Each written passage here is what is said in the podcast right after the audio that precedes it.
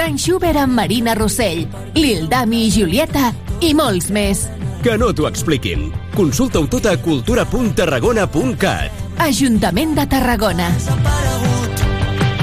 de tot el món.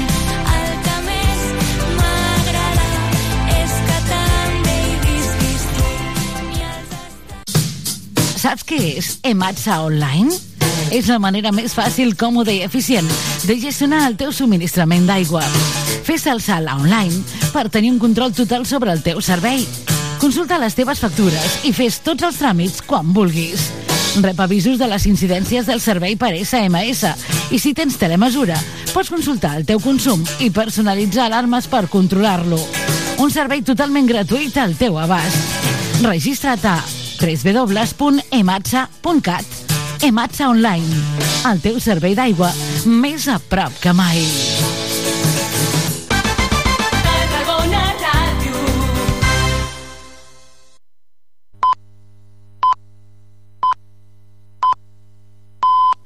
Són les 11 en punt del matí. Bon dia, benvinguts al Mercat d'Estiu.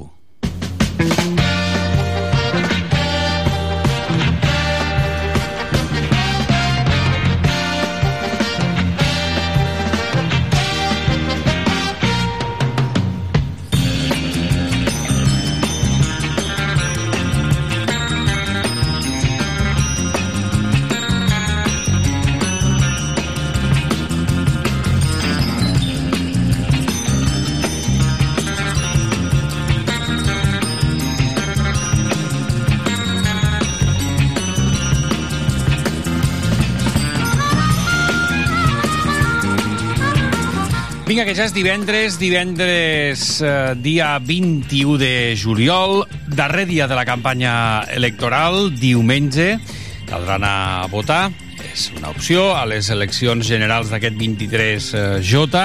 Avui en parlarem també al programa amb la darrera de les entrevistes polítiques al bloc polític amb els partits que havien obtingut representació al Congrés dels Diputats per Tarragona en les darreres eleccions generals i això serà, com dèiem, a partir de les 12 del migdia, en un programa en el que avui sí que intentarem refrescar-vos. La calor ha de continuar baixant aquests dies, o ha de baixar aquests dies, però tenim encara 28 graus de temperatura a l'exterior dels nostres estudis i, sobretot, mm, personalment i subjectivament, molta sensació de xafogó és la que fa uh, ara mateix al carrer. Amb un cap de setmana també farcit de propostes culturals, algunes les hem repassat, d'altres ho farem avui.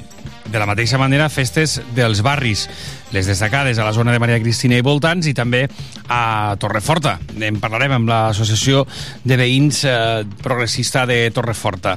Ara us expliquem el que donarà de si el programa i el que ha donat de si també aquest dijous, ho dic perquè tenim una de les companyes que ha anat de concert i ha viscut de primera mà un concert important, en aquest cas a Barcelona, en parlarem ara tot seguit. A la producció, Joan Andreu Pérez, Núria Cartanyà, Joan Maria Bertran a la part tècnica, Li, eh, Judit Trilla, bon dia. Bon dia. Dir Lídia Trilla. T'ha de No. canviar el nom. Judit Trilla, bon dia. Martín Areros, bon dia. Bon dia. Judit, què tal de weekend? Molt bé, fantàstic. La veu se't nota bé, eh? Bé, ara estic millor. Ara estàs millor. Però aquest matí estava... A les 8 i mitja no era tan bona, eh? No, no. La veu? Bé, ara, ara en parlarem. Avui, com dèiem, és divendres, és 21 de juliol, fem sumari. Continguts fresquets del dia i entrevistes quilòmetre zero a Mercat d'Estiu a Tarragona Ràdio. Parlarem, lògicament, d'aquest concert de, de Weekend que ha enlluernat el públic de Barcelona i s'ha convertit a l'Estadi Olímpic en un espectacular pista de ball amb un repertori ple de hits que va poder seguir, com dèiem, la nostra companya. Després ens ocuparem d'altres qüestions al programa i és que Tarragona Impulsa acollia tres taules temàtiques aquesta setmana passada en el marc del projecte de diagnosi de l'economia blava a Tarragona. Volem saber què és això de l'economia blava i com han anat aquestes taules eh, temàtiques i sobretot quin impacte tindrà això al territori. Ens ho explicarà la tècnica que ha impulsat i coordinat aquest projecte, la Cristina Altadill, ens vindrà a visitar aquí al programa.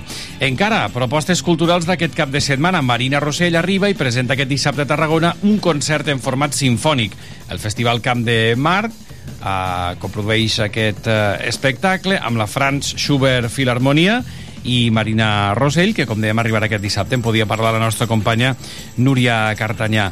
També la Judit i la Martina han anat a fer balanç de l'exposició Cartells de la vida moderna, els orígens de l'art publicitari, que està obert al públic encara al Caixa Fòrum fins aquest diumenge 23 de juliol. Per tant, farem balanç amb la Judit i la Martina, que han entrevistat la directora del Caixa Fòrum Tarragona, la Maria Glòria Oliver.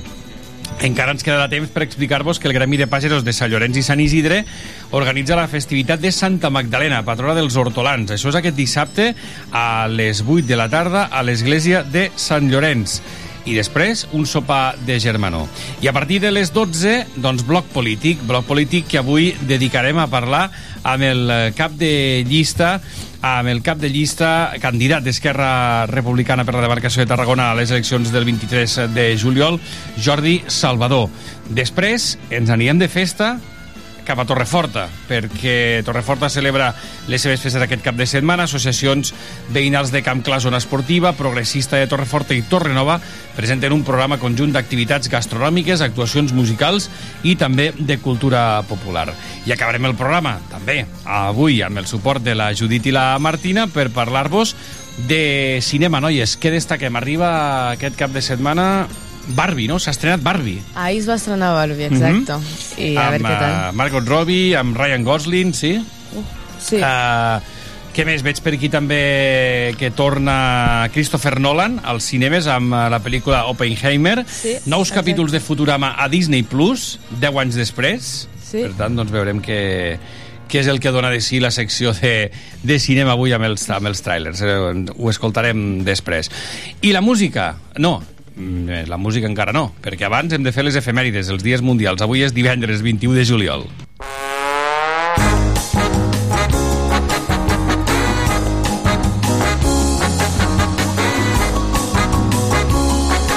Avui és el Dia Mundial del Gos. exacte. Va ser creat... Mira, mira. Ah, mira. Ostres. Mira que aquí en tenim, aquí en tenim, un, aquí en tenim un amb nosaltres, però no el sentim mai, eh? Està ben tranquil·let. Està tranquil·la. Està tranquil. Ah, mira, aquest sí sembla més. Aquest sí sembla més. Uh, un dia que ve del 2004. Exacte, perquè bueno, els gossos formen part de, dels humans i és una cosa, bueno, no, una cosa no, un animal molt important en les nostres vides. Eh, bueno, aquest dia no sol vol recordar el millor amic de l'humà, sinó també conscienciar a la gent sobre la gran quantitat de gossos que són abandonats actualment. I bueno, una dada així curiosa és que a l'OMS diu que un 70% dels gossos del món no tenen llar, així que hauríem de fer Déu-n'hi-do, alguna L'Organització Mundial de la Salut eh, diu això, eh, que 7 de cada 10 gossos no tenen, no tenen, no tenen llar. Sí. Uh, Però bueno, imagina't lo rellevants que són els gossos per a nosaltres, que no sols tenim un dia, de, un dia mundial del gos, sinó també de el gos sense raça, el, eh, el, gos de, bueno, el dia de portar el gos a l'oficina, eh, el dia internacional del gos del carrer, el dia del gos adaptat i el dia del gos treballador. Molt bé. I el gos De tot. Suposo que et refereixes a gossos d'assistència, Sí. no? gossos guia, gossos Exacte. pigall, mira com el, que, com el que ens acompanya, fantàstic, doncs ja ho tenim aquí. A mi em ve molt de gust, i us ho deia ahir sense saber-ho, però em ve molt de gust un gazpacho. Uf, Fresquet. a mi Fresquet, també, la eh? veritat. A veure, que aquí hi Jo- ha jo de detractors... salmorejos. Ara, ara, és que sabia que ho diries, sabia que ho diries. Jo soc més de salmorejo, la verdad. Salmorejo 1, gazpacho Sí. Dos. 2. Joan Ah. Maria? Quina diferència hi ha? Bona pregunta. No Ai, pues no sabria dir- dir-te la diferència. Sol ser que el Els salmorejo és més espès, no? jo crec que sí, que els Sí, ingredients sí. són diferents i el, i el salmorejo, un porta què? Meló, no, no. no, no, no bueno, he provat... No, no, no, no, no has dit cap, no has dit cap cosa perquè hi ha, hi ha gazpachos de, de meló i hi ha gazpachos de fresa, vull dir que els venen, eh? Sí, el salmorejo és com més espumós. No I sé. més espès, no? Sí, Pot ser? més espès, això sí. Bé, uh, opinions a banda, uh, aquesta sopa fresa, freda que ve més de gust en el, amb els mesos d'estiu i un clàssic, com dèiem, de la cuina, uh, és el Dia Mundial avui, no? Sí? Bueno, no, bueno, el dia. El Sí, dia, val. sí. No, és, no és dia oficial, diguéssim, eh? No, oficial, oficial Ok. no. Val, doncs ens porta cap a la gastronomia andalusa. Anem amb els efemèrides. Quin ha eixit el dia com avui? El Robin Williams, que és un actor i comediant dels Estats Units, i Mhm. bé, és molt reconegut per participar a Jumanji, que és una pel·li, i per protagonitzar pel·lícules també com Good Morning Vietnam i El grup de los poetas muertos. Robin Williams que, a més, si no m'equivoco, i ara igual m'estic tirant a la piscina i per això estic buscant-ho a l'hora que, que faig temps per dir-ho, uh, neixia tal dia com avui del 1951 i exacte, i ens deixava el 2014, l'11 Sí, d'agost del 2014. Exacte. I bé, a més a més, eh, també va participar a la pel·lícula El indomable Will Hunting i va ser premiat a l'Oscar de millor actor de repartiment. Uh -huh. Qui, ens ha deixat, qui ens va deixar tal dia com avui? Eh, ens va deixar John Hurt, que va ser un actor de cine, teatre i televisió, i bueno, va ser un actor destacat per pel·lícules a Solo en casa, on feia el, pare, el paper del pare. Molt bé, el senyor McAllister, eh? el pare del Kevin McAllister, que se'ls oblidava, vaja, ell i la seva família marxaven de vacances, s'oblidaven el nen a casa i la que liava era espectacular. Les heu vist solo en casa o no? I Sí. tant, Sí? és un Les dos? clàssic, és Sí. un clàssic. Val, val, bueno, no sé, no sé. Quina no sé. preferiu, la primera o la segona? Jo la primera. Sí, sí, la, sí, la segona... La primera molt millor, eh? La, La segona també està bé, millor. però... Però no té l'essència de la no, primera. No, no, no, no. La primera, a més, la, que- jo crec que cada any per Nadal és com Sempre un clàssic, posen, eh? De, sempre. amb aquella escena de baixant amb el trineu per les És escales de casa, Sí, no? sí, que sí. és, i qui, no, qui no ho ha provat? Vinga, què va passar el dia com avui de 1990, l'any que precisament s'estrenava Solo en casa? Exacte. Eh, es celebra el mític concert de rock eh, The Wall, al lloc on ocupava el mur de Berlín, per celebrar la reunificació d'Alemanya i la caiguda del mur.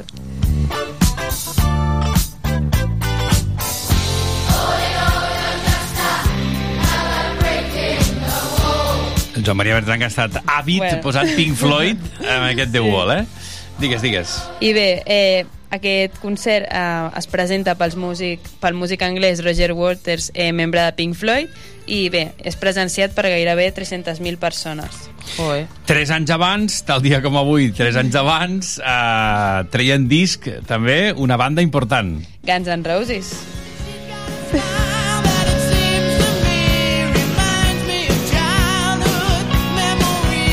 Dóna gust, eh? Dóna gust, eh? Vaya repertori Dóna tenim gust, avui. eh? El Joan Sí. Maria... Que, quin, disc, quin disc era el primer àlbum, no? El seu primer àlbum, Appetite for Destruction. Molt bé. Doncs, noies, ara no marxeu perquè de seguida seguim parlant amb vosaltres. La Judit ens ha d'explicar el que va passar ahir a la nit a Barcelona. Tenim música, no? També avui hem triat música. Sí, jo per ja com dedicar-ho una miqueta sí, sí. he ficat tot cançons de The Weeknd i la Martina altres, així que serà un repertori bastant... Una mica mega amics, eh? Sí. Vinga, doncs comencem.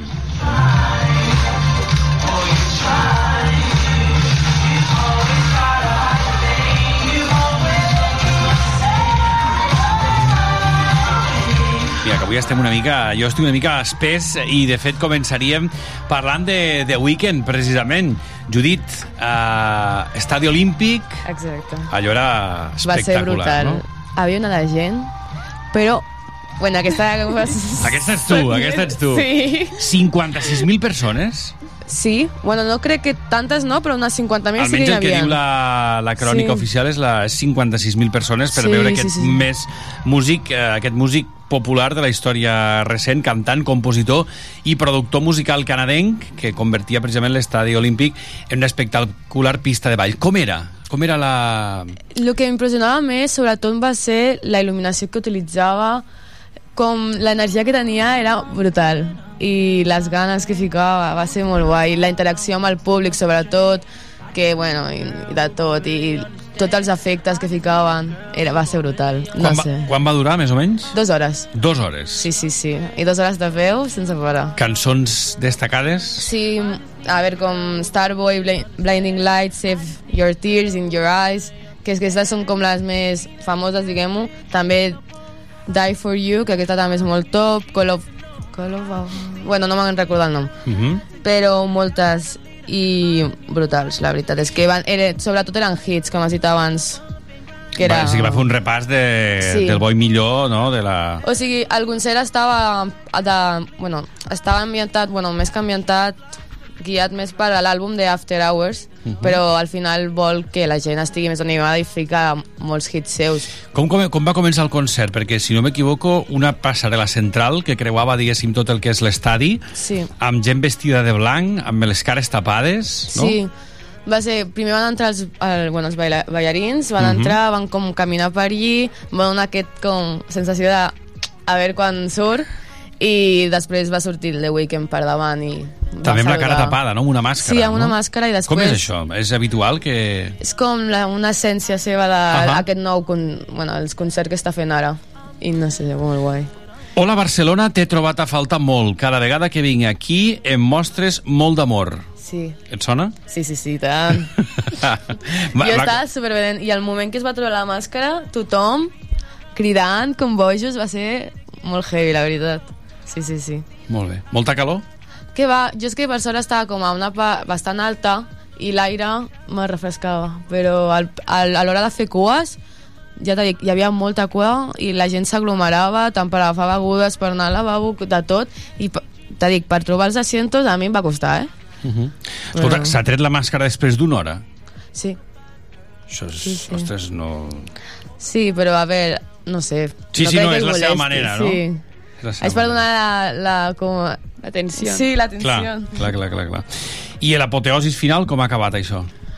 Jo pensava, perquè es va com despedir, cridant amb una cançó, no sé què, va marxar i nosaltres pensàvem que tornaria a sortir I no, eh? va sortir. Déu-n'hi-do. Però bueno, Déu-n'hi-do, Déu-n'hi-do. no passa res. Teniu com unes pulseres de llum, el públic? Sí, jo me l'he quedat. Tu te la portes encara? No, no, eh? no Ah, la vale, val. porto.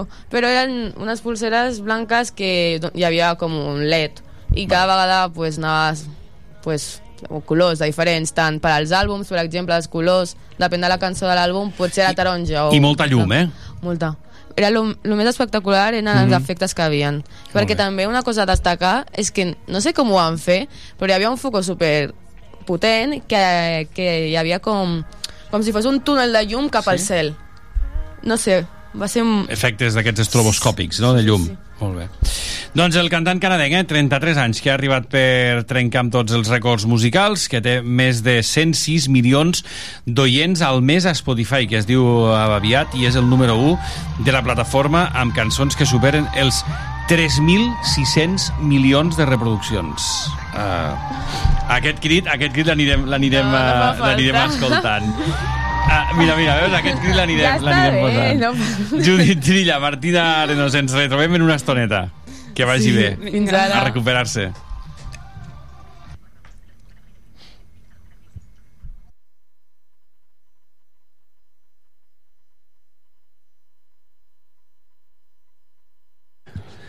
A veure, que ens hem quedat sense, sense música. Mira, el The Weeknd, el crit de la, de la Judit. A veure, ara sí, anem amb música i de seguida altres qüestions al mercat d'estiu. I'm good, I'm good, I'm great. While, now I'm mixing up the drink.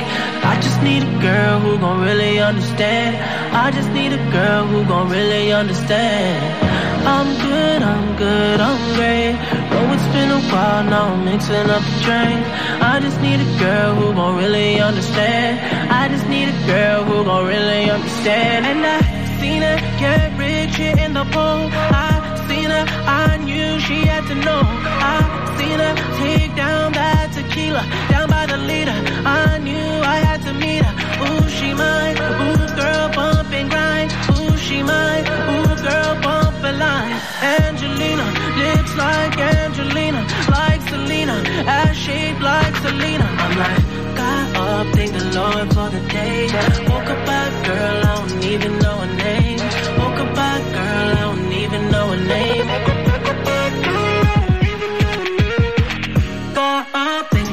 For the day. Woke up girl, I don't even know her name.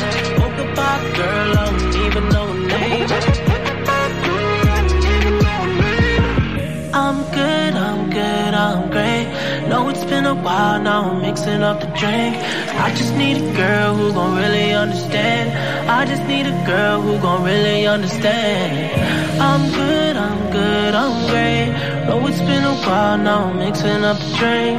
I just need a girl who gon' really understand. I just need a girl who gon' really understand. I've been popping just to three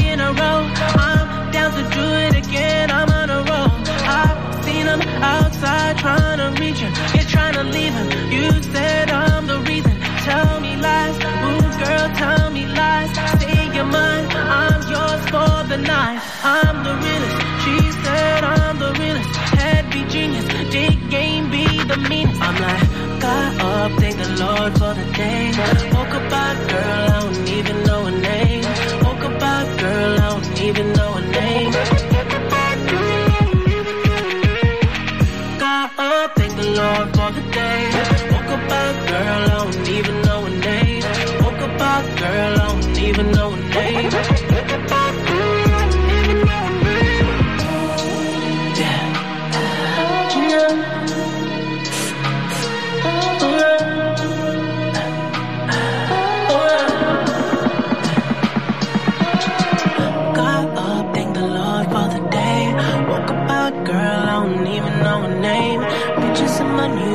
crown on my space. Had to check the safe, check the dresser for my chains. Got up, thank the Lord for the day. Woke up out, girl, I don't even know her name. Bitches in my new spot, crown on my space. Had to check the safe, check the dresser for my chains. Paranoid.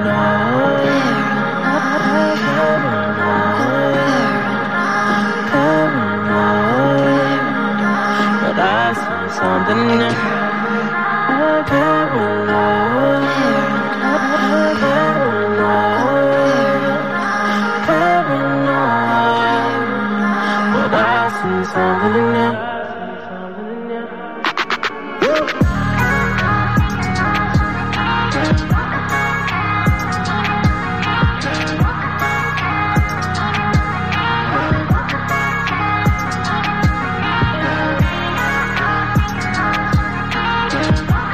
La música que també és protagonista en aquest mercat d'estiu a la sintonia de Tarragona Ràdio. Ara mateix, en directe a les 11 i 21 minuts, anem a parlar d'altres qüestions que, es, que ens porten cap al, cap al Tarragona Impulsa cap a un, i cap a unes taules temàtiques del projecte de diagnosi de l'economia blava a Tarragona.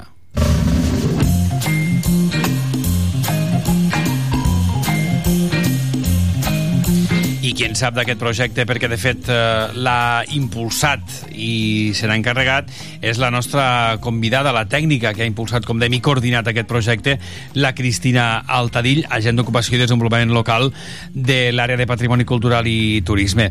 Cristina Altadill, molt bon dia. Bon dia. Moltíssimes gràcies per acompanyar-nos. Uh, com ha nascut això, com, com es posa en marxa aquest projecte. Ara després en parlarem eh, de les taules temàtiques, de l'economia blava, però com neix tot plegat, Cristina? Doncs mira, el terme economia blava és algo que des de Tarragona Impulsa. Ja, doncs, ja estàvem detectant amb diferents projectes que nosaltres treballàvem, que estaven tenint molta volada a nivell de Catalunya. De fet, Barcelona ja té molts projectes en economia blava. I d'aquí, doncs, de diferents projectes que s'emmarquen en el que és el Pla d'Acció de Desenvolupament Econòmic i Local de Tarragona, eh, que és doncs, do- no, tot el tema ja de la campanya del peix, del grup d'acció local pesquer, del qual l'Ajuntament de Tarragona és soci fundador, vam veure doncs, que teníem una mica la necessitat de, de conèixer de quina manera Tarragona i sobretot també la, la seva àrea d'influència entenent no, que tot el camp és una unitat socioeconòmica, de quina manera es relacionava amb el mar. Mm. I entenent doncs, en el marc d'aquest concepte no, de, de, del paraigües que és l'economia blava, els diferents sectors d'activitat econòmica que són molt dispars entre si, no, perquè passem tant del turisme com de la logística, com de tema de, bio, de, no, de biodiversitat i recursos marítims, conèixer una mica quins eren els agents en aquest territori i quin era doncs, l'impacte a nivell econòmic i estratègies de desenvolupament que podien sortir. Està bé perquè és un tema que potser encara no se'n parla prou, prou o no s'ha donat a conèixer prou, o potser a nivell de, de carrer no en tenim encara prou consciència. Què en penses, Cristina? És així, perquè de fet, bé, eh, eh, clar, parlem d'economia blava, no? aquest paraigües engloba molts sectors d'activitat econòmica i a vegades propis agents que serien no, impulsors i estan treballant en economia blava no saben realment que formen part de- no, d'aquest paraigües. Això per una banda. Després que també com a territori sí que és cert que des de l'autoritat portuària de- no, d'aquí de, de Tarragona i altres agents econòmics s'estan fent moltes coses en, en, no, vinculades amb l'economia blava, ells sí que coneixen, però els propis agents no saben i a nivell de peu de carrer parles d'aquest concepte i potser és molt més conegut l'economia verda sí, per que això, no per pas això, la blava. Per això, que també potser cal posar cal posar-hi el- cal posar l'economia blava al lloc que també es mereix, no? perquè també pel que deies és important. Quin impacte al final com a, com a conclusions de tot el projecte té al nostre territori l'economia bla- blava, Cristina? El que estem veient és, bueno, sobretot és això, no? Vull dir, Tarragona, si parlem de Tarragona ciutat, té tot el que és un patrimoni arqueològic que l'ha sapigut, doncs, no?, potenciar tant turísticament com econòmicament durant molts anys, però també té tot un patrimoni que és, que és el marítim, no?, que és tota aquesta façana marítima que tenim, que, que potser potser queda molt de, no? molt de camí per explotar. Qui parla de Tarragona parla de, també de tota la seva àrea eh, no? d'influència. El que és aquest, aquest projecte no s'ha limitat només a veure com la ciutat de Tarragona es vincula amb el mar, sinó també hem agafat una mica el límit territorial que definiria el grup d'acció local pesquer, uh, que comentava abans, que també doncs, és uh, el que és la comarca doncs, del Baix Camp, uh, Penedès i, i Tarragonès. Mm. Com han anat aquestes taules temàtiques que s'han dut a terme, que es van dur a terme ara fa dues setmanes, no, Cristina, si no m'equivoco? Sí. En el marc també precisament d'aquest projecte de diagnosi, és a dir, saber en quin punt estem, cap a on anem, eh, l'impacte que té, que és el que ara et comentava, amb diversos agents eh, socioeconòmics, com tu deies, del territori, com han anat aquestes taules temàtiques? Doncs aquestes taules formaven part de la tercera fase de diagnosi del projecte. Primer hi ha hagut una identificació de, de quins són els agents que, no, que uh -huh. participen i sota aquest paraigües d'economia blava, Després hi va haver una segona fase de- d'entrevistes amb molts d'aquests agents socioeconòmics d'aquí del territori. De moment s'han fet més de 25 entrevistes, tant amb patronals com amb empreses privades, no? que treballen amb, amb instituts, centres de formació, serveis territorials d'ensenyament, d'ocupació. I la última fase de diagnosi, que és a partir de la qual n'extraurem les conclusions i marcarem properes línies de treball, van ser, doncs, com bé deies, la setmana passada i eh, es van estructurar en tres taules. Una mica es van crear eh, la temàtica en funció dels resultats que ja anàvem veient, de les entrevistes i de les enquestes que estaven fent. Una d'elles va ser la del turisme blau, Uh, la segona d'empresa, formació i ocupació i la última d'estratègia blava. Uh -huh. En total van ser tres taules que va representar doncs, més de 5 hores de debat no? durant 3 dies uh, on hi van participar un total de, de 40 participants i va representar un índex d'assistència al 65%. Vull dir, realment va ser un èxit en quant a, a l'assistència, la participació i sobretot la valoració final i les conclusions que a priori podem anar traient una mica. Ara després en parlarem d'aquestes conclusions. Eh, mm, parlaves ara de necessitats formatives. També és un tema important perquè aquí s'hi han d'adherir i s'hi han de posar a treballar d'una manera bastant transversal pel que entenc des de diferents eh, entitats, des de diferents administracions i també amb l'àmbit formatiu, no? formar-se per saber després com aplicar aquesta formació i com eh, acabar doncs, eh, introduint aquesta, aquesta o, o, o utilitzant aquesta economia blava. Correcte. Uh, entenent l'economia blava, no? que és la Mhm. que posa el mar com a motor, no? com, a, com a centre generador d'ocupació no? de, i millora de l'ocupabilitat de les persones, que realment ja genera molts llocs de treball. La veritat és que una de les, de les preguntes que nosaltres teníem al- a l'engegar el projecte era dir, bueno, hem de fer un mapa de la formació del territori, perquè si tantes empreses tenen necessitats de personal no? i hi ha aquest índex d'atur que tenim, doncs eh, potser necessitem formació. Uh, paradoxalment, una de les conclusions que hem tret és que oferta formativa en general al territori n'hi ha, vinculada amb el que és el sector de l'economia blava, Mhm. exceptuant potser algunes formacions molt concretes que imparteix l'Institut Social de la Marina i que aquí a Tarragona o al Camp de Tarragona no es poden cursar, però en general oferta formativa n'hi ha. El que ja hem detectat és un problema de- d'orientació professional, de posar en valor tot el que és la- l'ocupació vinculada no, amb els sectors econòmics de l'economia blava. I, i és això, hi ha molta demanda de, de professionals, costa trobar professionals, sobretot ja siguin joves o persones adultes que vulguin no, reconduir la seva trajectòria professional. I potser es centra més en aquesta revalorització de, de, dels oficis no? i de la importància que té la formació professional eh, ho veiem amb l'economia blava però també ho veiem amb altres sectors d'activitat e- econòmica que, que, que és el mateix, que s'estan perdent els oficis. Mm -hmm. Aquesta és una de les conclusions de, de tot plegat i abans ja en parlaves de l'impacte que tindrà.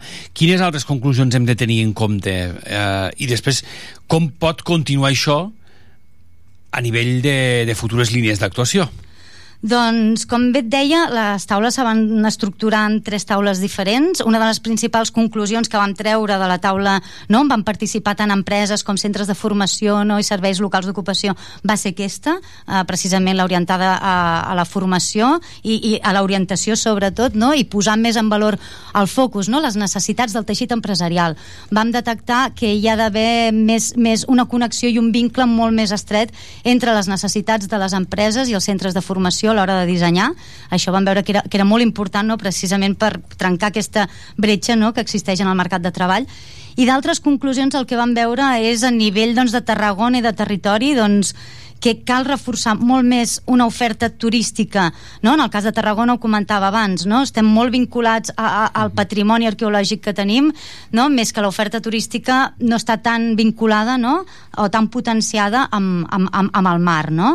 També una de les altres conclusions és que era molt necessari que hi hagués més diàleg entre el, tot el sector de la pesca, tots els pescadors i el sector de la restauració, precisament per posar en, no, en valor totes les espècies que tenim aquí de, de, de peix de Tarragona, no? que mm. potser doncs, hem detectat que molts restaurants moltes vegades doncs, no ofereixen peix que sigui d'aquí de, de la cofreria de Tarragona, posar més en valor les receptes tradicionals no? uh, i vendre-ho com a paquets turístics no? d'atracció turística que és doncs, no? el consum aquest de proximitat uh, d'aquí.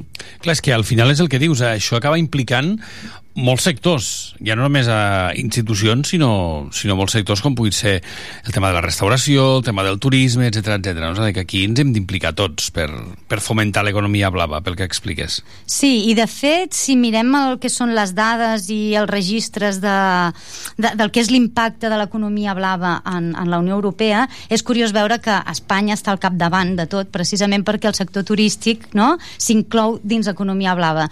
Ara, si traiem el sector turístic, que ja va gràfiques i estadístiques que ho treuen per veure realment no l'impacte de tots els sectors econòmics vinculats, veiem que hi ha molts altres sectors no, d'activitat econòmica que es podrien potenciar, que formen part d'aquest paraigües i que no és només el turístic. Per tant, el turístic potser s'ha de reforçar, té una gran presència i s'ha de, de reconduir, caldria més digitalització potser de tot el sistema no, de, turístic, ja sigui a l'hora de vendre paquets d'activitats turístiques, a l'hora d'encarregar-los, de, a l'hora de fer les reserves, cal més digitalització en aquesta àrea, cal un reforç en aquest sentit, però potser hi ha altres sectors, com és el repair and refit, no, de tot el mm. tema de manteniment d'embarcacions, de, que també està vinculat a, a l'economia blava, que potser no, no hi ha tanta volada aquí en el territori, potser és un potencial i cal reforçar-lo. Vaja, que s'ha fet molta feina, però que queda encara molt de marge per caminar i per continuar millorant-ho tot eh, plegat, i suposo que des del Tarragona Impulsa continuareu també treballant amb,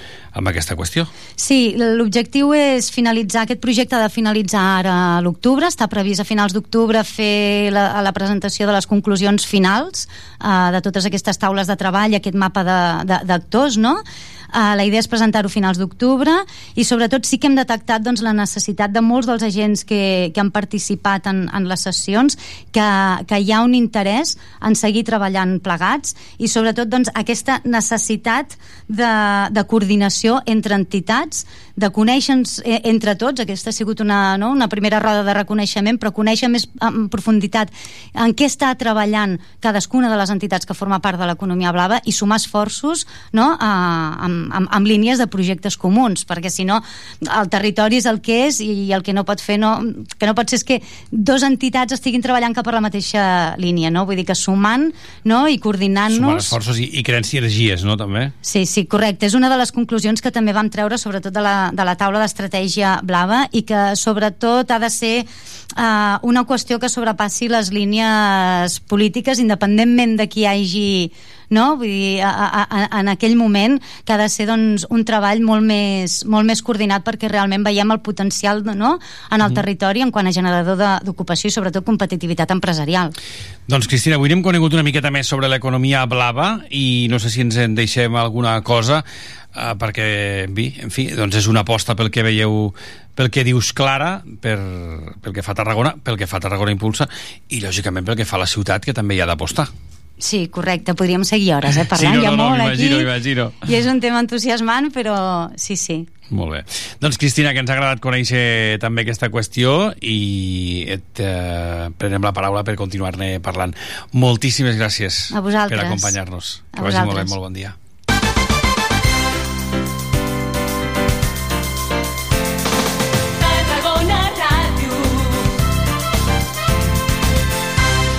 Moll de Costa, la Rambla de la Cultura a la vora del mar. Vine i passeja per l'eix de la cultura, del lleure i de l'esport al Port de Tarragona. Hi trobaràs museus, exposicions, teatre, activitats, espais per passejar i fer esport. Completa la teva visita amb un tas de la gastronomia marinera del Serrallo. Més informació a porttarragona.cat. Una alimentació sana, exercici físic i una bona assegurança mèdica. A MGC Mútua millorem cobertures i serveis per oferir la millor assegurança mèdica segons els professionals de la salut. MGC Mútua. Inverteix en salut. Informa't en el web mgc.es. Sabies que aquest estiu es preveuen nits molt agradables al Festival Camp de Marc de Tarragona? Fins al 4 d'agost tens unes cites espectaculars. Dijous, concerts de petit format. Divendres, circ i cinema gratuïts. I també concerts amb Marala, Ginestar, Mariona Escoda, Frank Schubert amb Marina Rossell, Lil Dami i Julieta i molts més.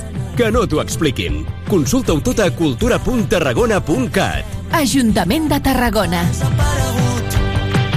de tot el món.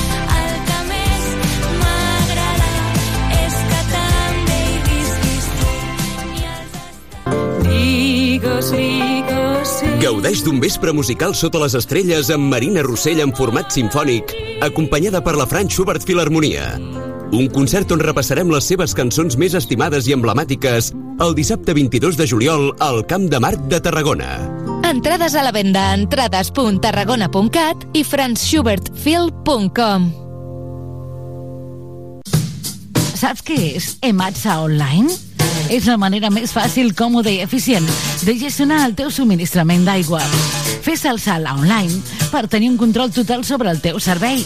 Consulta les teves factures i fes tots els tràmits quan vulguis. Rep avisos de les incidències del servei per SMS i si tens telemesura, pots consultar el teu consum i personalitzar alarmes per controlar-lo. Un servei totalment gratuït al teu abast.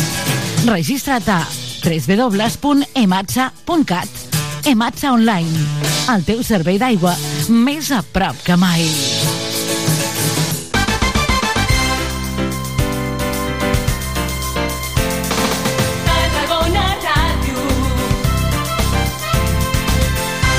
Dos quarts i sis minuts eh, de 12 del migdia arriben artistes aquest cap de setmana a Tarragona. Marina Rossell, per exemple, presenta aquest dissabte un concert de format sinfònic. La nostra companya Núria Cartanya podia parlar amb ella. Mi sapent d'hora de Oh, bella ciao, bella ciao, bella ciao, ciao, ciao, mel sapent d'hora de matinada i m'he topat amb l'enemic. Porta'm on vagis, tu partisana. Oh, bella ciao, bella ciao, bella ciao, ciao, ciao, porta'm on vagis, tu partisana. Ans que em sola aquí. I si em moria L'emoció a les cordes vocals. Us imagineu això, junt amb altres cordes, totes les cordes i tots els vents i tota la percussió, tot el que pot donar de si una orquestra sinfònica. Doncs això és el que passarà aquest cap de setmana dissabte a l'Auditori del Camp de Marc. La veu de la Marina Rossell amb les seves cançons més emblemàtiques i tota la potència de l'orquestra, la Franz Schubert Filharmonia. Marina Rossell, bon dia. Molt bon dia. Nenes de pèls de punta, això, eh? La cançó ja escoltada així, però amb, amb tota l'orquestra al darrere serà brutal. Sí, amb tota la potència, eh, us dic molt bé, amb tota la potència d'harmonia, de, de filatures, d'aquests fils que quasi són com a fils de subtilitat, de força, de tota la, aquesta... que t'has d'imaginar que, la, que una orquestra té, té tota aquesta com un, una, una sensació de confort, perquè hi ha moltes columnes de sons diferents. És un miracle, una orquestra. Jo quan ho veig, sí. aquests instruments... I si tens la gràcia de posar-te... T'has de posar en el punt just per escoltar-los tots, no? Sí. Perquè t'embolcalli tot sencer. Molt bé. Sí. És, bueno, no sé quina experiència uh, estàs tenint amb assajos i tot plegat. Val a dir que és la primera vegada, no?, que interpretes amb tota una Bueno, jo orquestra. vaig, he fet petites coses, doncs, sí. a, a Toulouse, per França, però un, un concert tan complet i, i una filarmònica i a més a més amb una eh, amb una orquestra de nova generació, el mateix Mm. director, el Tomàs Grau, amb aquesta força que té ell, que pot fer un accelerando, que pot fer un ostinato, que fa uns pianíssims extraordinaris, Mhm. i això a mi m'atrau molt, molt, la seva manera de, de, de, de dirigir, perquè l'he vist molt aquí al Palau de la Música a Barcelona. Sí. I m'encanta com es capbussa a dintre. Com, com vau fer el contacte? Com vau arribar-vos a conèixer i, i, i arribar a aquest Doncs ja projecte? fa uns anys, perquè és un, és un projecte que tenim ja fa uns anys, potser tres anys o quatre, i, i no ens venien bé les dates. Mm. I, i, i, i, i jo l'any passat vaig treure el disc de 300 crits, ells estaven per fora, etc etc. Ens ha sigut, ens era difícil. Sí. I després hi va haver tota la, la, la peste, la, tot, tot el, que, lo, lo del virus, sí. bitxós, i ara crec que és el moment ideal. Aquest dissabte serà el moment idoni. A més a més, és el dia de reflexió. Ah, és veritat, no havia pensat ja en això, una mica per... És especial. Clar. Uh, Marina, com ho farem això? Perquè, clar, això no es fa... Costa molt posar-vos d'acord, costa molt posar les dates, però després costa molt preparar tot el repertori i instrumentar-ho. Però hi ha molt talent. Mm. I aquí s'hi ha posat tot el talent. És una orquestra que té molt de talent i jo tinc molta alegria de- d'haver-ho fet. Com... I tinc molta alegria de, de, de que la gent vingui i escolti i que, que, que tingui la mateixa emoció que possiblement tindrem nosaltres. de totes les cançons que tens en repertori i que de fet n'escoltarem un tastet de cada, eh? des de poesia catalana, cançons tradicionals, cançó francesa. Mm, Com has triat el repertori? Una mica mitges doncs amb el aquest és Tomàs? un o no? quasi, quasi cançó d'autor, diria. Hi ha Morir d'un llamp, que és una de les últimes cançons que he fet. Sí. Hi ha Quanta guerra.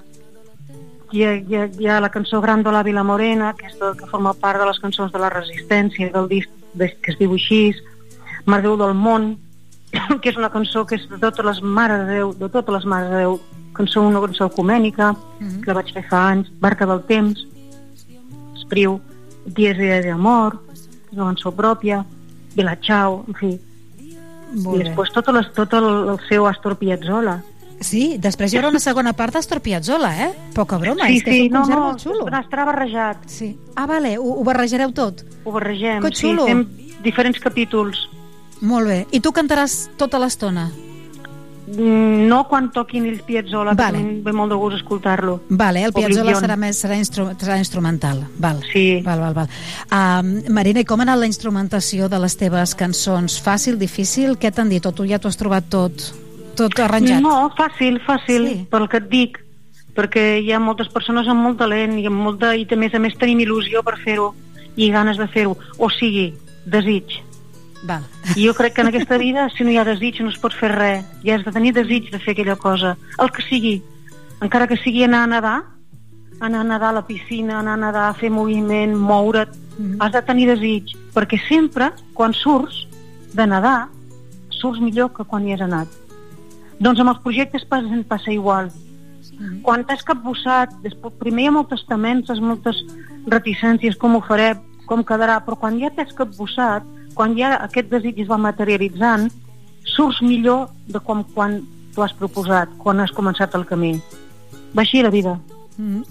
Núria, va així. No, no, és una actitud superpositiva. El que passa és que té poc risc aquest concert, perquè jo crec que us, ho aneu... Clar, són els teus temes, vas a disfrutar-los. Ells són, són brutals també tocant. Vull dir, jo crec que Mm. pel públic és també un regal. No pot sortir res malament, no? No, que heu, clar que no. Heu I a més assajat. haurà passat a, aquesta onada de calor. Sí, s'estarà fresquet. Bueno, el camp de mar sempre s'està bé. Haurà passat ja. Molt bé. I a més a més és el dia de reflexió. És un dia, Núria, que passa cada quatre anys. Ah, mira. No és un dia normal. Cada quatre anys hi ha un dia de reflexió i a més a més un signe de democràcia. Mm. La gent anem a votar. No, recordem que, que aquí vam estar 40 anys sense votar. Ho recordaràs, no? ho recordaràs al concert, eh? Jo te, Clar, veig, te veig i- molt parlant entre cançó i cançó, eh, Marina? Ah, és un sí? dia màgic. Mm. Màgic perquè es donen moltes coses, no?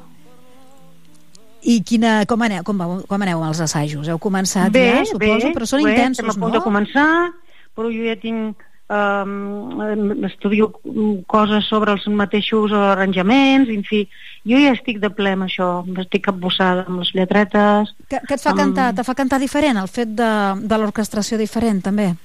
Bueno, Una mica. eh, jo crec que en el, en el moment definitiu és quan estàs davant del públic. El públic aporta molt. Sí.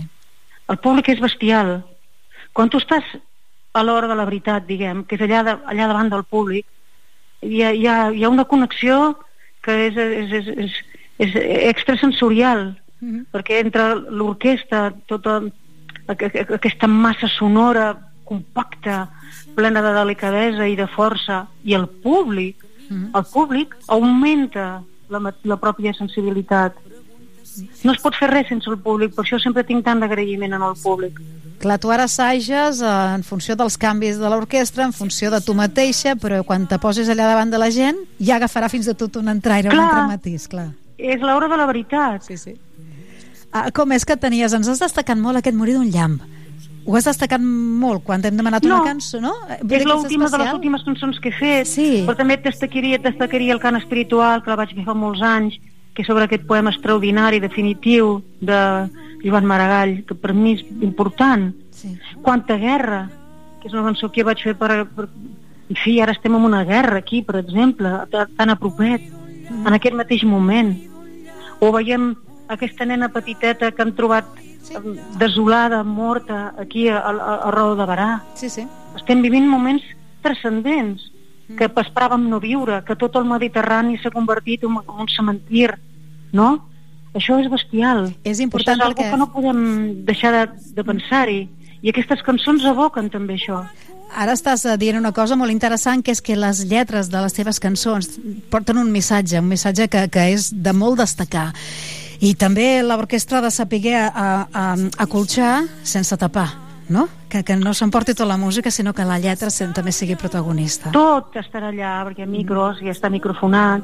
El Bella Ciao, que és la cançó que van fer les dones en, en, al nord d'Itàlia per, per, treballaven al camp d'arròs i la van fer elles d'una manera espontània basant-se en coses que havien sentit de músiques populars i que els, els partisans la van escoltar i la van masculinitzar, diguem, no? Sí. I la van fer mas- masculí i ha sigut la cançó dels partisans italians contra Mussolini, però que és de les dones dels camps d'arròs. Jo el que he fet és tornar-la en femení, tal com havia nascut, no? Val, Doncs val, aquesta cançó també estarà allà. És la, la cançó que les dones composen d'una manera espontània, Mm. que es rebel·len contra el patrone, perquè les feia treballar de sol a sol. Mm. Ai, Marina, quin munt de missatges. Escolta, Sí. i després què farem amb tota aquesta feinada i aquest eh, gaudi també? Després del concert de dissabte a Tarragona, on aneu amb la Franz Schubert? Que fareu gira? Bueno, en- ens agradaria fer gira, ho estem intentant construir, pensa que és un, és, un- és un treball laboriós perquè és, és moltes persones que hem de viatjar, que hem d'estar, però sí, sí, sí, ens agradaria molt. Jo l'endemà el que faré és el dia 23, que és el dia de les votacions, també es passa cada 4 anys, cantaré a Blancafort, l'endemà diumenge. Molt bé. Però cantaré amb el meu musicient, que serà un contrast bestial. Ah? amb el Xavi Lloses, no? amb el meu músic, amb les meves... Però estem oberts, tant l'orquestra com el Tomàs Grau, de poder fer eh, altres concerts. Molt bé. Ens Molt bé. agradaria molt. Doncs sí. així d'excepcional arriba aquest concert al Camp de Mar dissabte a partir de les 10 amb aquesta tranquil·litat que més dona l'espai al Camp de Mar, no sé si has actuat mai que tot Tarragona has vingut més d'una vegada Sí, vaig Però en venir l'any passat, vaig cantar allà al ja? port. Al port vas port. estar, també és un espai molt xulo pues el Camp de Mar t'agradarà molt, ja veuràs que bonic Sí. És molt xuli M'encantarà perquè ha una vela molt im- immensa, sí, no? sí, sí, sí. I et dona com una pau, és com un amfiteatre.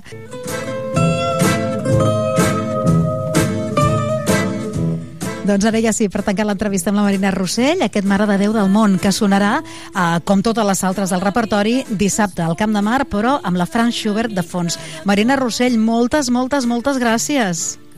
Moltíssimes gràcies a tu, Núria, t'espero i allí ens saludem. Ens Camp de saludem. Mar, proper dissabte. Ens saludem dissabte, una abraçada. Sí, molt amable, gràcies.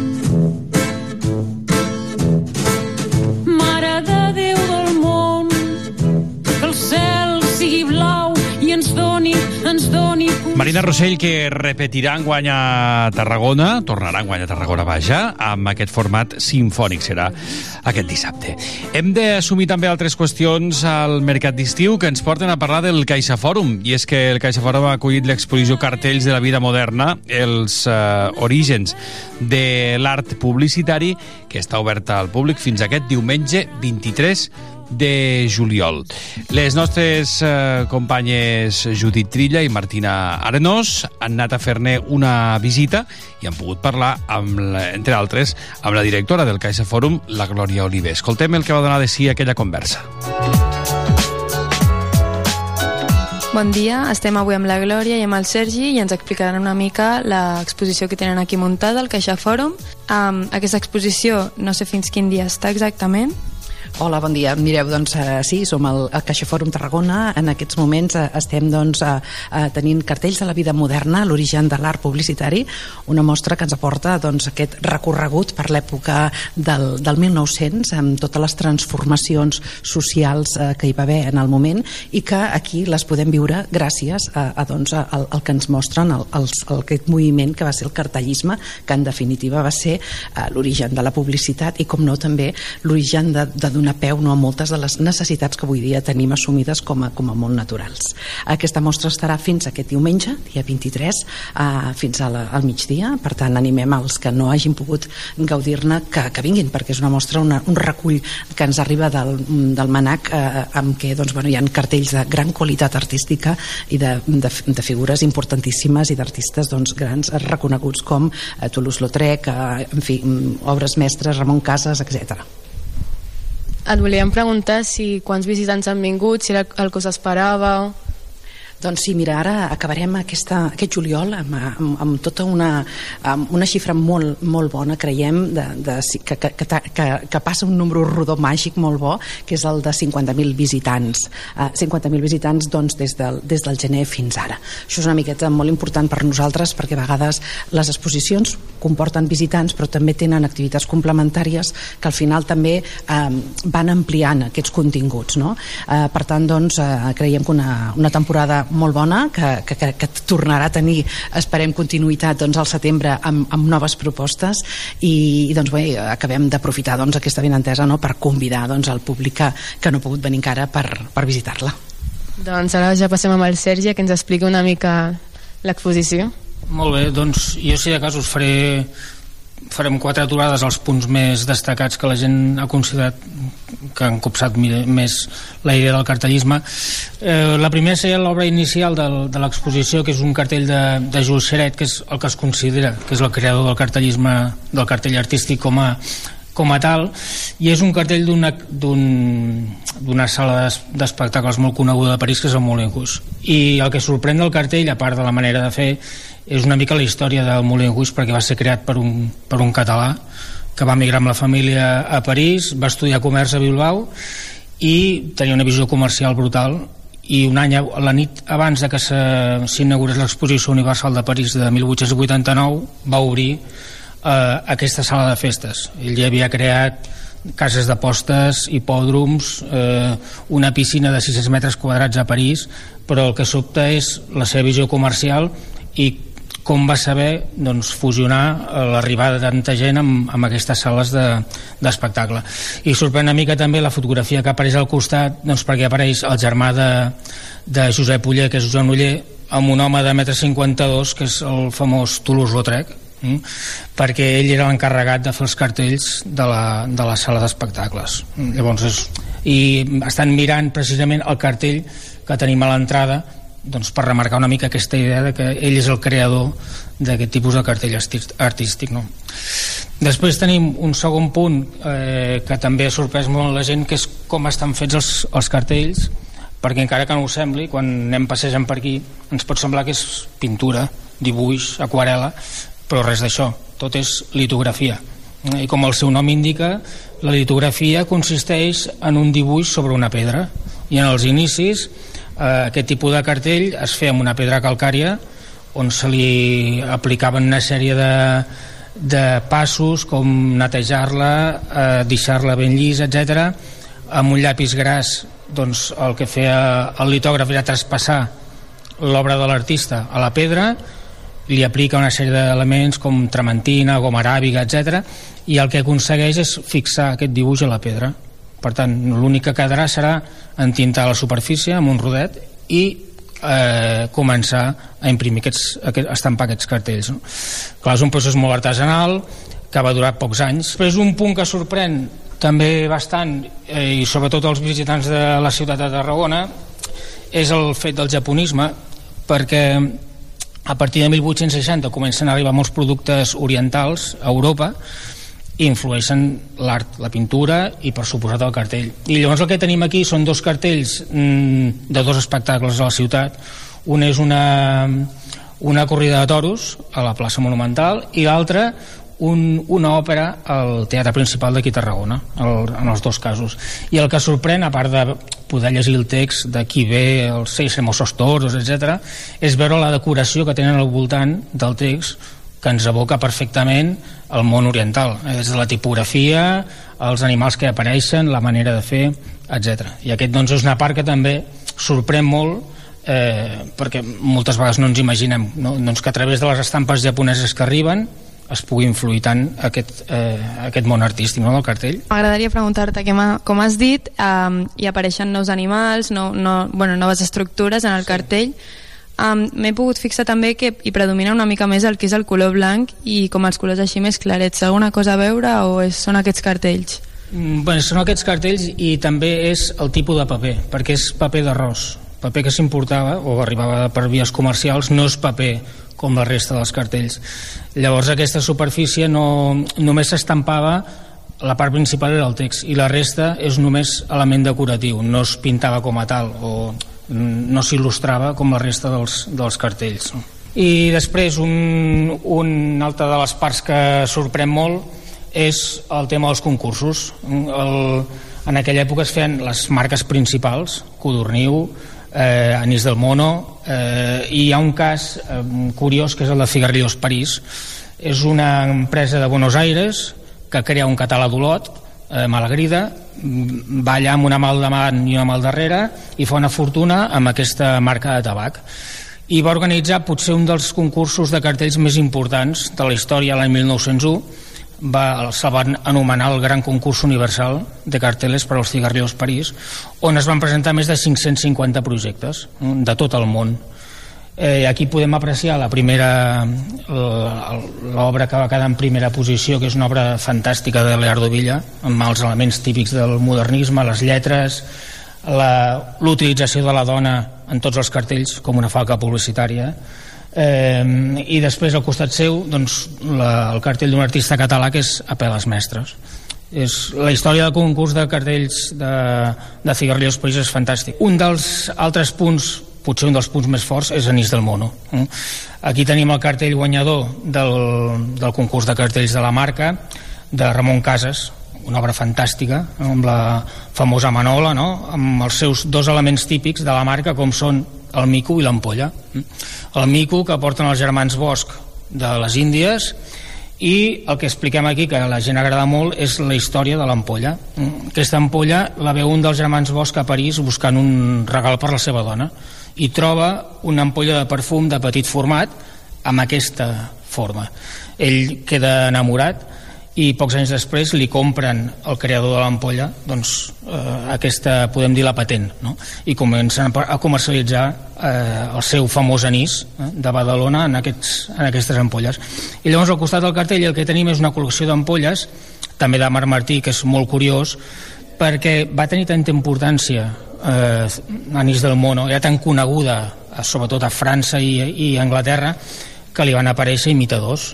Imitadors doncs, que imiten directament la forma de l'ampolla, imiten la forma de l'etiqueta, i si en aquest cas parlem d'anís del mono, doncs podem trobar tot, eh, la, tota la varietat zoològica, perquè tenim des d'anís del tigre, anís del gato, anís del león, del ciervo, l'abeja, del talp, però clar, anís del mono neix a Badalona, aquí hi ha ampolles de Sabadell, de Ripoll, de Jerez, de Barcelona, és a dir, la gent el que feia era imitar directament l'ampolla i l'etiqueta. La genuïna d'Anís del Mono és aquest mico personificat, humanitzat, no? amb la cara d'un home vell que és Darwin, eh, que subjecta amb la seva mà dreta un paper que diu és el mejor, la ciència lo dice, no, la ciència no s'equivoca, diu jo tampoc. Doncs una mica per, en aquest homenatge, en homenatge a Darwin. Els creadors de l'Anís del Món algun cop van arribar a reportar que imitessin la seva, el seu disseny amb altres animals? Això desconec aquesta informació, però és que era tan famosa. Hem de pensar que l'exposició de, de París de 1920 mm, Anís del Mono tenia una, un estant només per ell. Era una marca reconegudíssima i doncs ja veiem, molt limitada no, per, la, per la gent, però no sé fins quin punt els germans Bosch eren conscients no, de la d'aquest poder imitatiu que tenia la marca.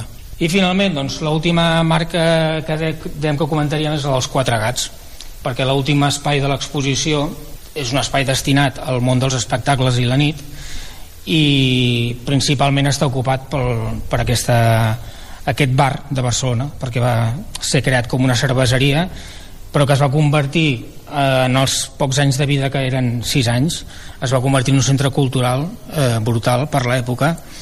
Eh, clar, qui el crea és Pere Romeu. Pere Romeu havia treballat com a cambrer a París va conèixer aquest tipus de locals on no només la gent anava a consumir sinó que s'hi feien altres tipus d'espectacle i, el, i el, els Quatre Gats es converteix en un centre cultural on s'hi fan, doncs, com veiem, cartells amb espectacles de titelles, on apareix el propi Pere Romeu doncs, donant garrotades a, a una titella que és Picasso, eh, teatres en interiors o un espectacle que encantava a Pere Romeu, que és el de les ombres xineses. I és un cartell que ens, ens permet veure dues coses. Una és la, la figura de Pere Romeu i l'altra és el grup de burgesos del món de la cultura com Casas, Rossinyol, Zuloaga, etc, que són els que ajuden amb els seus diners a tirar endavant aquest local. Per què els quatre gats? Doncs perquè Rossinyol li va dir a Pere Romeu que aquí anirien quatre gats. I doncs aquí podem veure aquest cartell de, de Casas i Utrillo, on apareix aquest grup, on cada un d'ells tenia una titella articulada i amb aquest joc de llums i ombres doncs recreaven eh, històries. No? I com finalitzem? Doncs cartells de la vida moderna, dos elements de la vida moderna, un és veure una persona volar amb avió i l'altre és el cinema.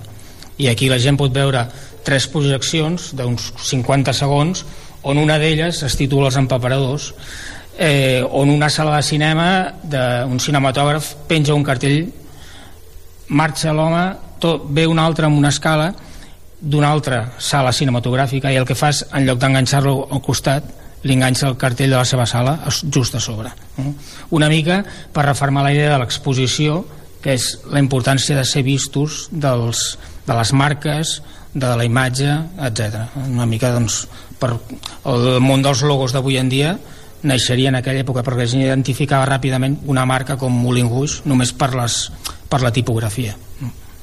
Volíem preguntar-te, Glòria, sobre projectes futurs i novetats que venen la, la següent temporada. Doncs sí, eh, bé, acabem aquesta exposició, però com sempre, doncs, eh, Caixa Fòrum eh, tancarà per arrencar motors no, de nou al, al setembre amb noves propostes tan expositives com activitats, eh, com sempre és habitual en els nostres, eh, en els nostres centres. Eh, la proposta serà desvetllada el dia 7 de setembre. Eh? Us avancem eh, que, que bueno, es tractaran de dues exposicions eh, altament interessants. Eh, tecnològiques, us deixo anar doncs, una pista eh, que creiem també doncs, que podran interessar moltíssim a tots els públics perquè doncs, bé, doncs, ens parlen de temes molt reals i molt futurs eh, que ens acompanyaran probablement en, al llarg de la nostra vida i per tant eh, això ja ens ha de fer doncs, venir-vos de, de conèixer-la eh, pel que fa, doncs, com us deia el dia 7 estarem encantats de poder-vos explicar àmpliament aquestes dues propostes i res, ara doncs, ens, ens quedem amb aquest bon gust de boca que ens va deixar el comiat que vam fer pel públic, no? una miqueta aquesta nit d'estiu que, que vam tenir ara fa uns dies en què d'alguna manera hem pogut eh, fer doncs, un final de festa eh, també molt dirigit i molt eh, donant les gràcies no, al, al públic que ens ha anat acompanyant durant tota aquesta temporada i que res que esperem rebre'ls ben aviat eh, doncs, a partir del setembre aquí eh, i desitjar-los bon estiu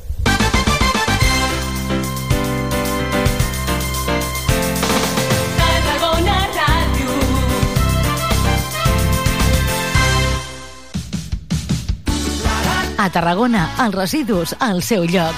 Utilitza la deixalleria. Recorda, els residus voluminosos no van a les deixalleries mòbils. Cal portar-los a la deixalleria fixa. O bé, te'ls passem a recollir si ens avises a través del telèfon verd o l'aplicació app. Més informació a www.tarragona.cat barra neteja. Ajuntament de Tarragona.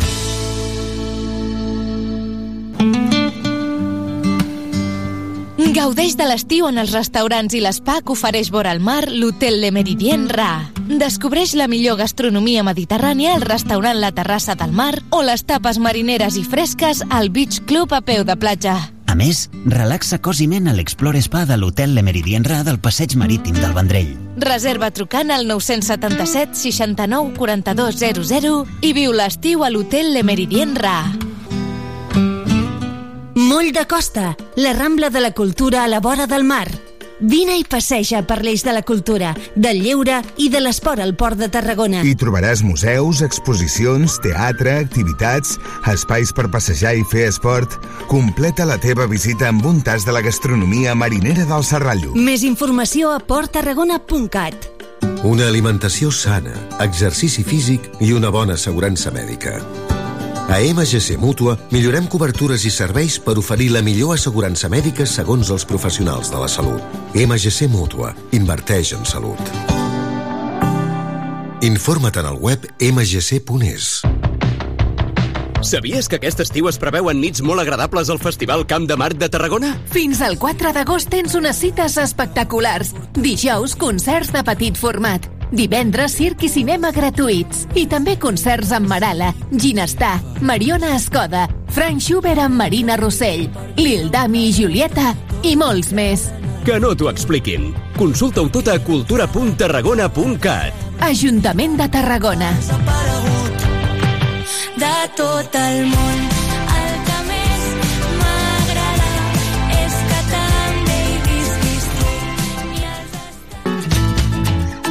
Fans de Tarragona.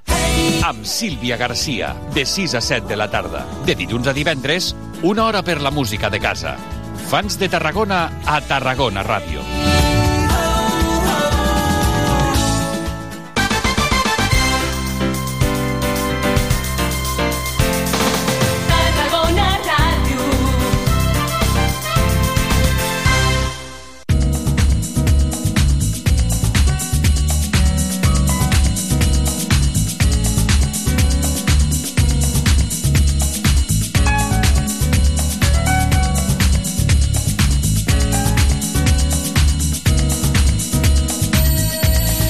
En directe a la sintonia de Tarragona Ràdio continuem dintre d'aquest mercat d'estiu quan passen 6 minuts de les 12 en punt del migdia. Estem al darrer dia d'aquesta campanya electoral que ens ha de portar cap a les eleccions d'aquest 23 de juliol, eleccions d'aquest eh, diumenge, comicis generals. Hem estat fent entrevistes amb els diversos partits amb representació a, per Tarragona.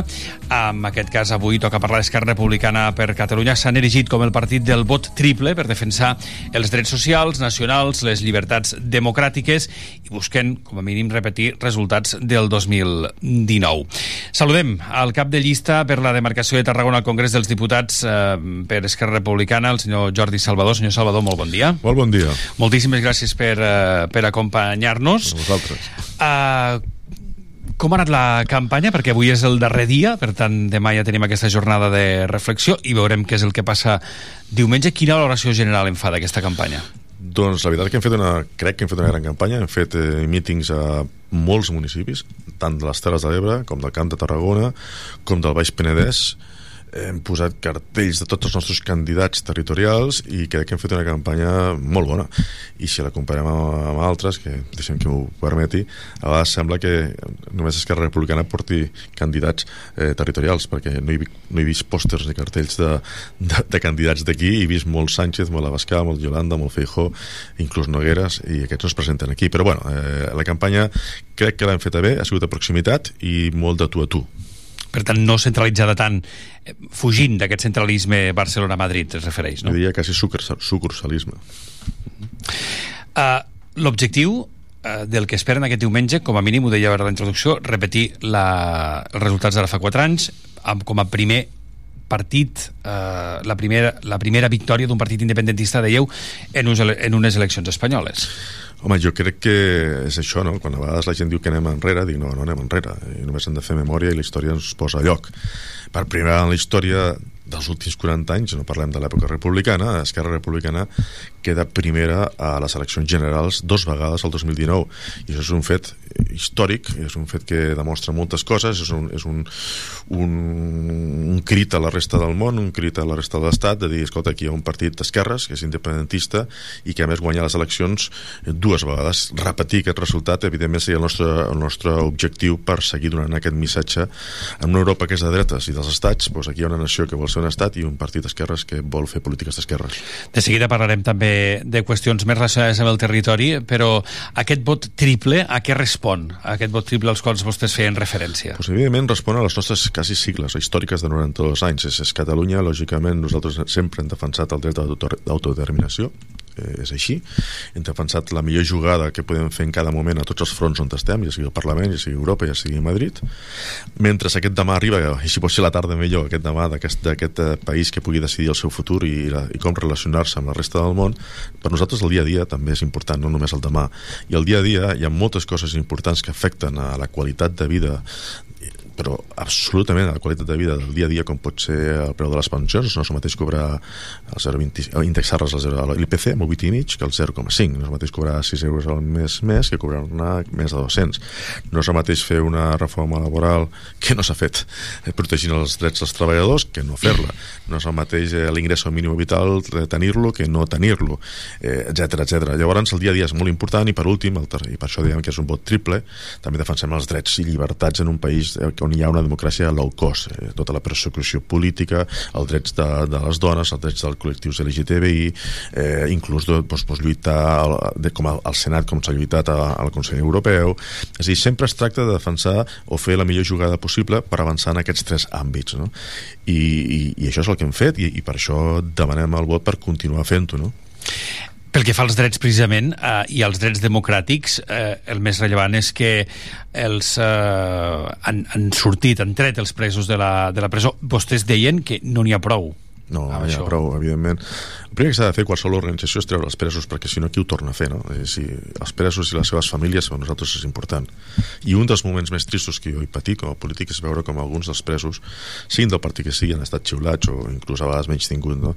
Aquestes persones, que és la millor gent, la que ha pagat el preu més alt, que ens han fet una condena de més de 100 anys, penso que no se'ls pot xiular. Se'ls ha de fer una ovació i després, si vols, debatim del que vulguis. Treure els presos era una, una cosa important. Treure el delicte de sedició per dificultar la repressió, també. Eh, fer la campanya que hem fet a Europa, també. Però, evidentment, això no acaba aquí ni és el nostre objectiu. Encara hi ha gent que pot entrar i els hem de treure i encara el que volem és una amnistia i acabar amb aquesta causa general. I això es fa en molts llocs. També es fa des de Catalunya mobilitzacions, eh, també es fa des del Parlament, es fa des d'Europa, des de Madrid i a Madrid també. I llavors això és el que fem, no? L'amnistia és uh, un dels punts destacats del, del, del seu programa.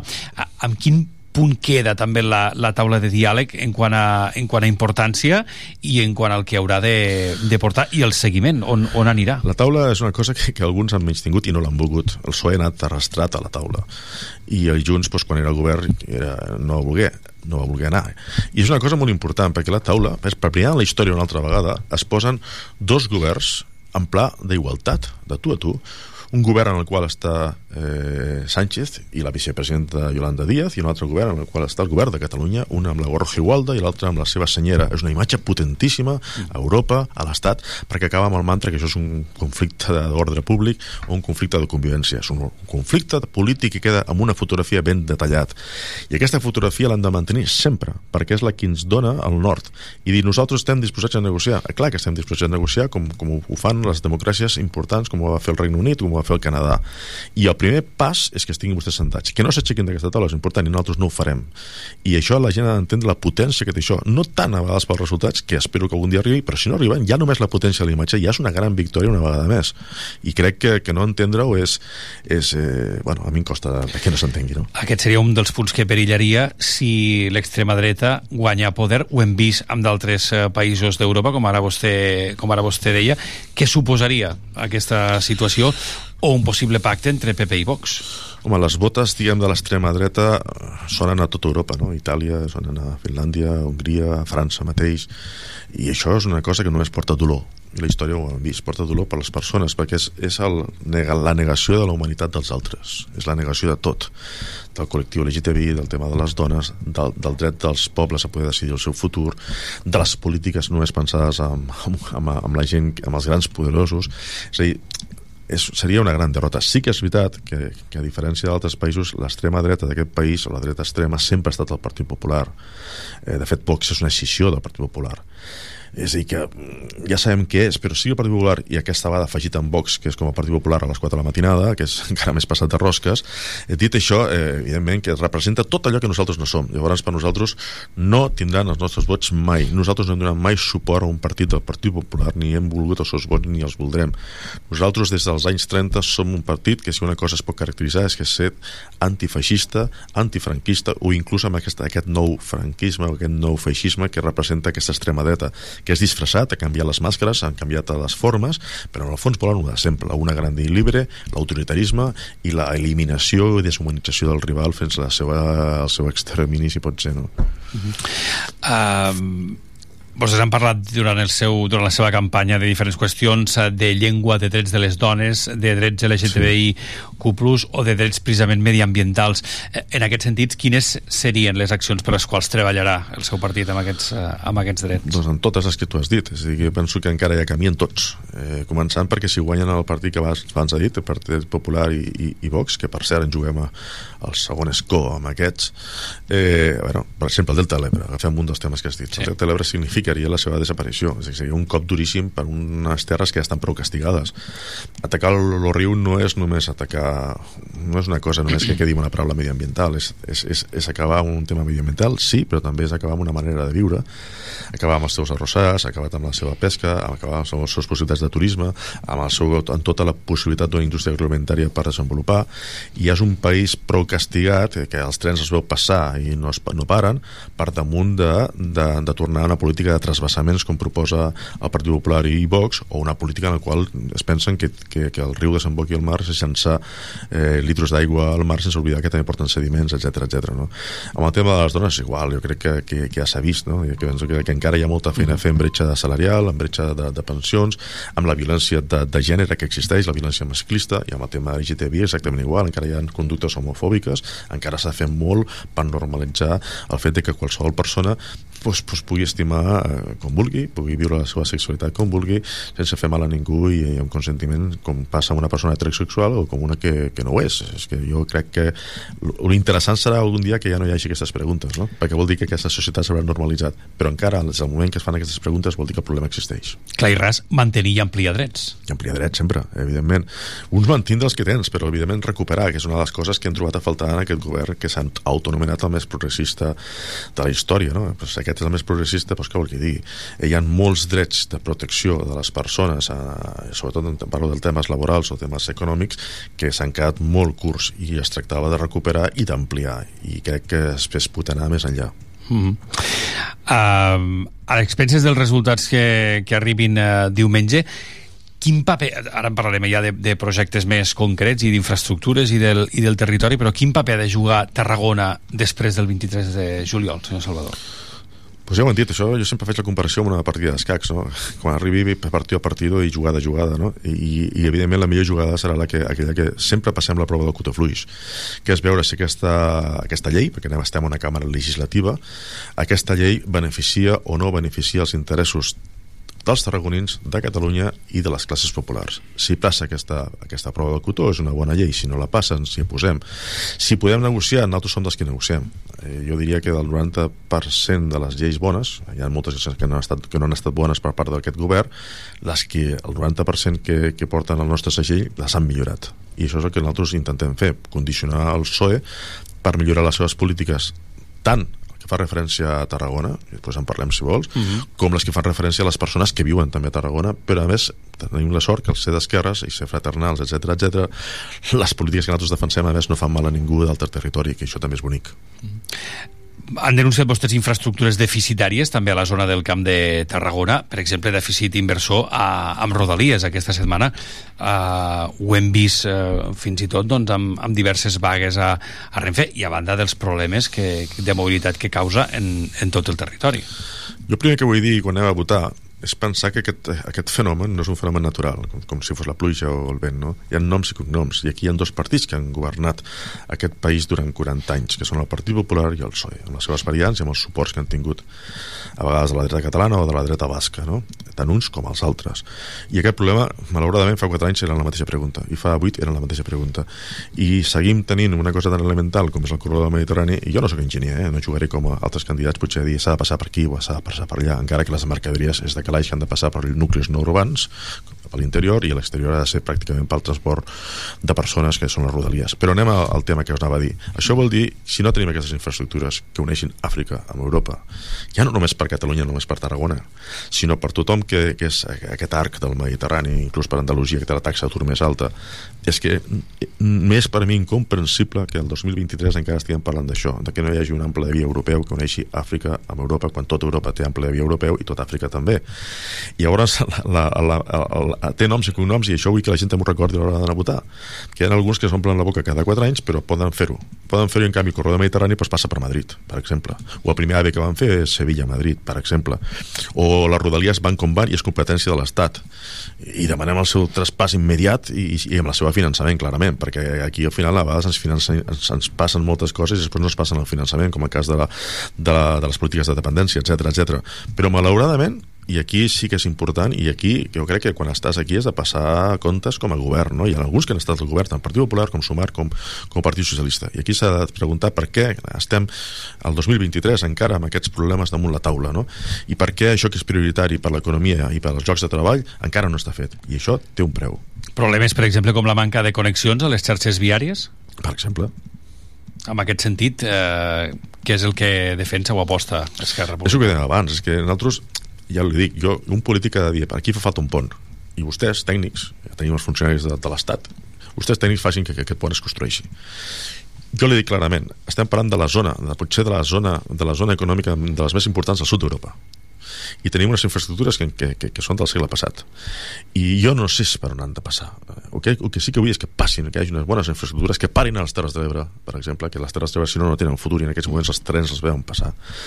Que treguin el, el, el, si pot ser el màxim possible de camions de les carreteres perquè això és anar també per a favor del medi ambient que les mercaderies vagin per l'interior i vostès facin com ho creguin de fer. Jo no sóc enginyer, jo sóc polític i el polític el que decideix és dir senyors, volem que hi hagi una bona xarxa ferroviària perquè és el futur i, i ja dic el futur perquè el present ja l'hem perdut perquè ja no arribem a temps, això no es fa en dos dies i això té noms i cognoms perquè a vegades sembla que sigui un fenomen natural i alguns s'obliden que han governat durant molts anys durant molts anys i estem parlant de problemes que són ja, si miréssim la hemeroteca estem parlant de fa 10 anys, 15 i potser més no? Uh -huh. i jo crec que no hi ha res més que dir, dir senyors, eh, aquí estem i evidentment que posem els nostres vots pels nostres vots mai serà que aquí no hi hagi un traspàs de, de rodalies amb el seu finançament i que es pugui arreglar aquest problema ni amb els nostres vots mai serà de que no tinguem una xarxa com humana. Han parlat també de la gestió de, del litoral, amb, sí. eh, amb, amb efectes climatològics que afecten precisament l'estat de la costa o sí. de les nostres eh, o de les nostres platges, situacions que, que ens toquen de prop. Evidentment, i torna a ser el mateix, ja, ja no solament el cas del Delta de l'Ebre, que si no arriben sediments allò pot desaparèixer, pot haver un caos eh, brutal, mediambiental, econòmic i social, però també les nostres platges, nosaltres ens agradi o no ens agradi, a mi sí que m'agrada, perquè penso que a vegades menysprem el turisme de sol i platja, i el sol i platja doncs, ens agrada a tots. Jo també sóc un, un turista de sol i platja quan vaig als llocs, no? I una de les nostres sorts és el clima que tenim i les platges que tenim. Llavors tornen a ser el mateix, les platges tornen a ser competència estatal i resulta que on hi ha competència estatal estatal doncs les coses no funcionen bé. I tenim les platges que quan arriba la temporada doncs pels temporals que hi ha, que hi haurà doncs no s'han fet les, la, el que cal fer. I això torna a ser el mateix, hi ha enginyers de ports i camins que han de decidir com ha de ser perquè les platges estiguin en bon estat. Perquè és competència seva, no ho oblidem. I aquí resulta que les competències seves que són trens, que són platges, si són per exemple les oficines de, de correus o són les oficines de l'INS o de la, de la Seguretat Social o la, o la Inspecció de Treball que tenim molts pocs efectius que depenen absolutament d'ells absolutament d'ells. I llavors, ostres, ostres, sembla que tinguem un estat no sembla, crec que tenim un estat que a més d'anar a favor, en va ens va en contra en temes importants. Les oficines de l'INS, per exemple, és que, que no podem demanar cita, que no hi hagi, que no hi hagi que vostè tingui de fer trames importantíssims per la seva vida, per, per, per demanar ajuts, per, per, la, per la jubilació, per, per demanar un, un, un permís d'alta a la seguretat social com a autònom per una persona, una treballadora de la llar que és estrangera, que no tingui cita, que, la, que les que es menyspreïn, els menyspreïn a la prova a la porta, perdó, i es pot provar vostè d'anar un dia a veure si la tenen, o de trucar per telèfon, no? Però és que és tot, és platges, és, és, la, és les seves delegacions, diguem, de, estatals, com, com, el, com el sistema, i és per això que volem la independència, lògicament. La volem per motius sentimentals, per motius històrics, però també perquè pensem que és un estat que ens va a la contra, eh, jo diria descaradament. És un règim, més que un estat a vegades, que va a la contra des del punt de vista judicial, des del punt de vista d'infraestructures, des del punt de vista econòmic, de, de tot, no? No, no? Jo crec que a vegades estem fent un esforç fiscal, un esforç de tot tipus, a un estat que ens va a la contra. Precisament del tema econòmic és un tema que ocupa i preocupa moltíssimes persones amb la inflació que amb sí. el, la inflació que, que s'ha estat patint i sobretot amb el tema de, del preu de les pensions. Quina és el, la, la posició, la postura? Jo crec que convido qualsevol oient a mirar, a posar Esquerra Republicana i pensions i crec que no hi ha cap partit que hagi defensat més les pensions que nosaltres. Li dic més, el 2017 vam trencar el pacte de Toledo perquè no estaven indexades a l'IPC les pensions i les pensions, si ara no haguessin estat indexades doncs no és el mateix cobrar 6 euros més al mes que cobrar 200 euros més al mes amb la inflació ja. Hem posat eh, control de preus en les, en les cistelles bàsiques de totes les cadenes alimentàries. Hem, hem proposat que hi hagi topalls, igual que hi ha en clàusules sols, que hi hagi topalls a l'alça pel tema d'hipoteques. Hem defensat el salari mínim interprofessional que pugi no a 1.080 euros, sinó que més vagi a més perquè no és el mateix cobrar 1.080 euros a Catalunya que un altre, eh, diguem, altre territori. No? És a dir, jo penso que amb, el, amb aquests temes salarials, jo anomeno no solament salarials, el pa, treball i sostre, i si salaris ja siguin en pensions o ja siguin efectius, estem estar en contra de la pujada de funcionaris al 3,5%, perquè significa que vam perdre tot el, tot l'any 2022, i no pot ser. Hem fet propostes, per exemple, d'indexar els salaris, és a dir, que perquè no revaloritzin els salaris hagi d'haver una, una, una, una clàusula de despenjament conforme vostè no té beneficis. És a dir, que demostri vostè que no pot pujar els salaris, perquè hi ha gent que té grans beneficis i en canvi té un control absolut dels salaris. És a dir, jo penso que des del punt de vista de les classes treballadores, autònoms, assalariats, pensionistes, doncs Esquerra Republicana penso que ha estat els qui més, per això diem que és un vot que és triple. I pel que fa a la reforma laboral, senyor Salvador? Insuficient. Eh, la reforma laboral el que fa no és crear ocupació, com algú diuen. I, no, el model de, de treball, aviam, no és amb la mateixa legislació laboral, no és el mateix l'índex hi ha a Euskadi, que a Andalusia o a Catalunya. El que sí que fa és protegir els treballadors. I la reforma laboral, que primer de tot enganya amb les xifres. Eh, ha veritat que hi ha més contractes indefinits, un 45% dels contractes són indefinits, el 55% continuen sent temporals, però d'aquests contractes indefinits, un terç són parcials no desitjats. Són gent que treballa menys de 40 hores a la setmana. Un altre terç són fixos discontinus, amb el patiment que significa perquè, clar, eh, vull dir i treballo 4 mesos, 3 mesos o 5 mesos o a vegades per hores. No?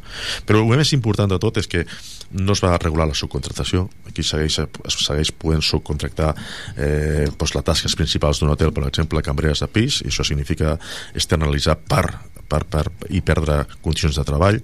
Eh, les empreses es poden deslocalitzar, nosaltres hem dit que no s'han no de poder deslocalitzar sense una autorització administrativa, demostrant que, té, que no té beneficis, o per exemple, salaris de tramitació. Si tu tens un conflicte amb el patró, doncs no, si vas a reclamar ara no tens els salaris de tramitació, o per exemple l'acomiadament. Segueix tenim el mateix acomiadament que, que en l'època d'Aznar, o abans del 2010. És a dir, eh, eh, no pot ser això, no pot ser que puguin acomiadar per la cara. És a dir, els acomiadaments improcedents haurien de, de no existir. Si és improcedent, doncs vostè no pot acomiadar aquella persona. I si l'acomiada, doncs ha d'haver un preu. Ha d'haver un preu que sigui dissuasori, un preu que compensi que millor una persona gran que perdi, la fa, que perdi el seu salari doncs és un perjudici per la part que no pot pagar la hipoteca perquè potser no podrà portar els seus fills on li toca, etc etc. Llavors, darrere de la protecció del treball, això es diu reforma laboral i ha sigut tot insuficient. Podia estar quasi una hora parlant d'aquests temes mm -hmm. d'aquí, perquè realment és insuficient del tot. I només ha de preguntar al servei d'atenció domiciliària, a les treballadores d'hostaleria hostaleria, a, a qui vulgui, si realment podem parlar d'un treball de qualitat i no precari. És un treball precari, de poca qualitat, i que aquí sí que tinc una espina clavada, perquè havia els vots suficients i van preferir una reforma laboral pactada amb la COE eh, aplaudida per, per la Anna Botín, aplaudida per tot el capital, inclús ara mateix Feijó ha dit que no, que no la tocarà, perquè en el fons és la seva reforma laboral. Va preferir els, els vots de Ciudadanos i del PDeCAT abans dels vots de Bildu i Esquerra Republicana, que avui tindríem una societat amb uns drets laborals molt millors dels que tenim, i això em dol molt. I pel que fa al paper de la indústria química, per exemple, quin ha de ser? La indústria química és molt important, perquè tot el que ens envolta, per exemple, en aquest despatx on estem, és tot és química. I això és una cosa que hem de tenir en compte. La química ha portat qualitat de vida. Ara, la química ha de ser en seguretat i la química ha de tindre els controls mediambientals i això es pot fer, simplement és, és, és, és que es faci la feina ben feta i, i que es pugui regular, que es pugui supervisar, i això si és així, eh, la, la, la, la, indústria, tota indústria és benvinguda sempre que es compleixi. Per què? Porta bons salaris, perquè no hi ha frau fiscal, perquè, perquè va lligat a l'I+D.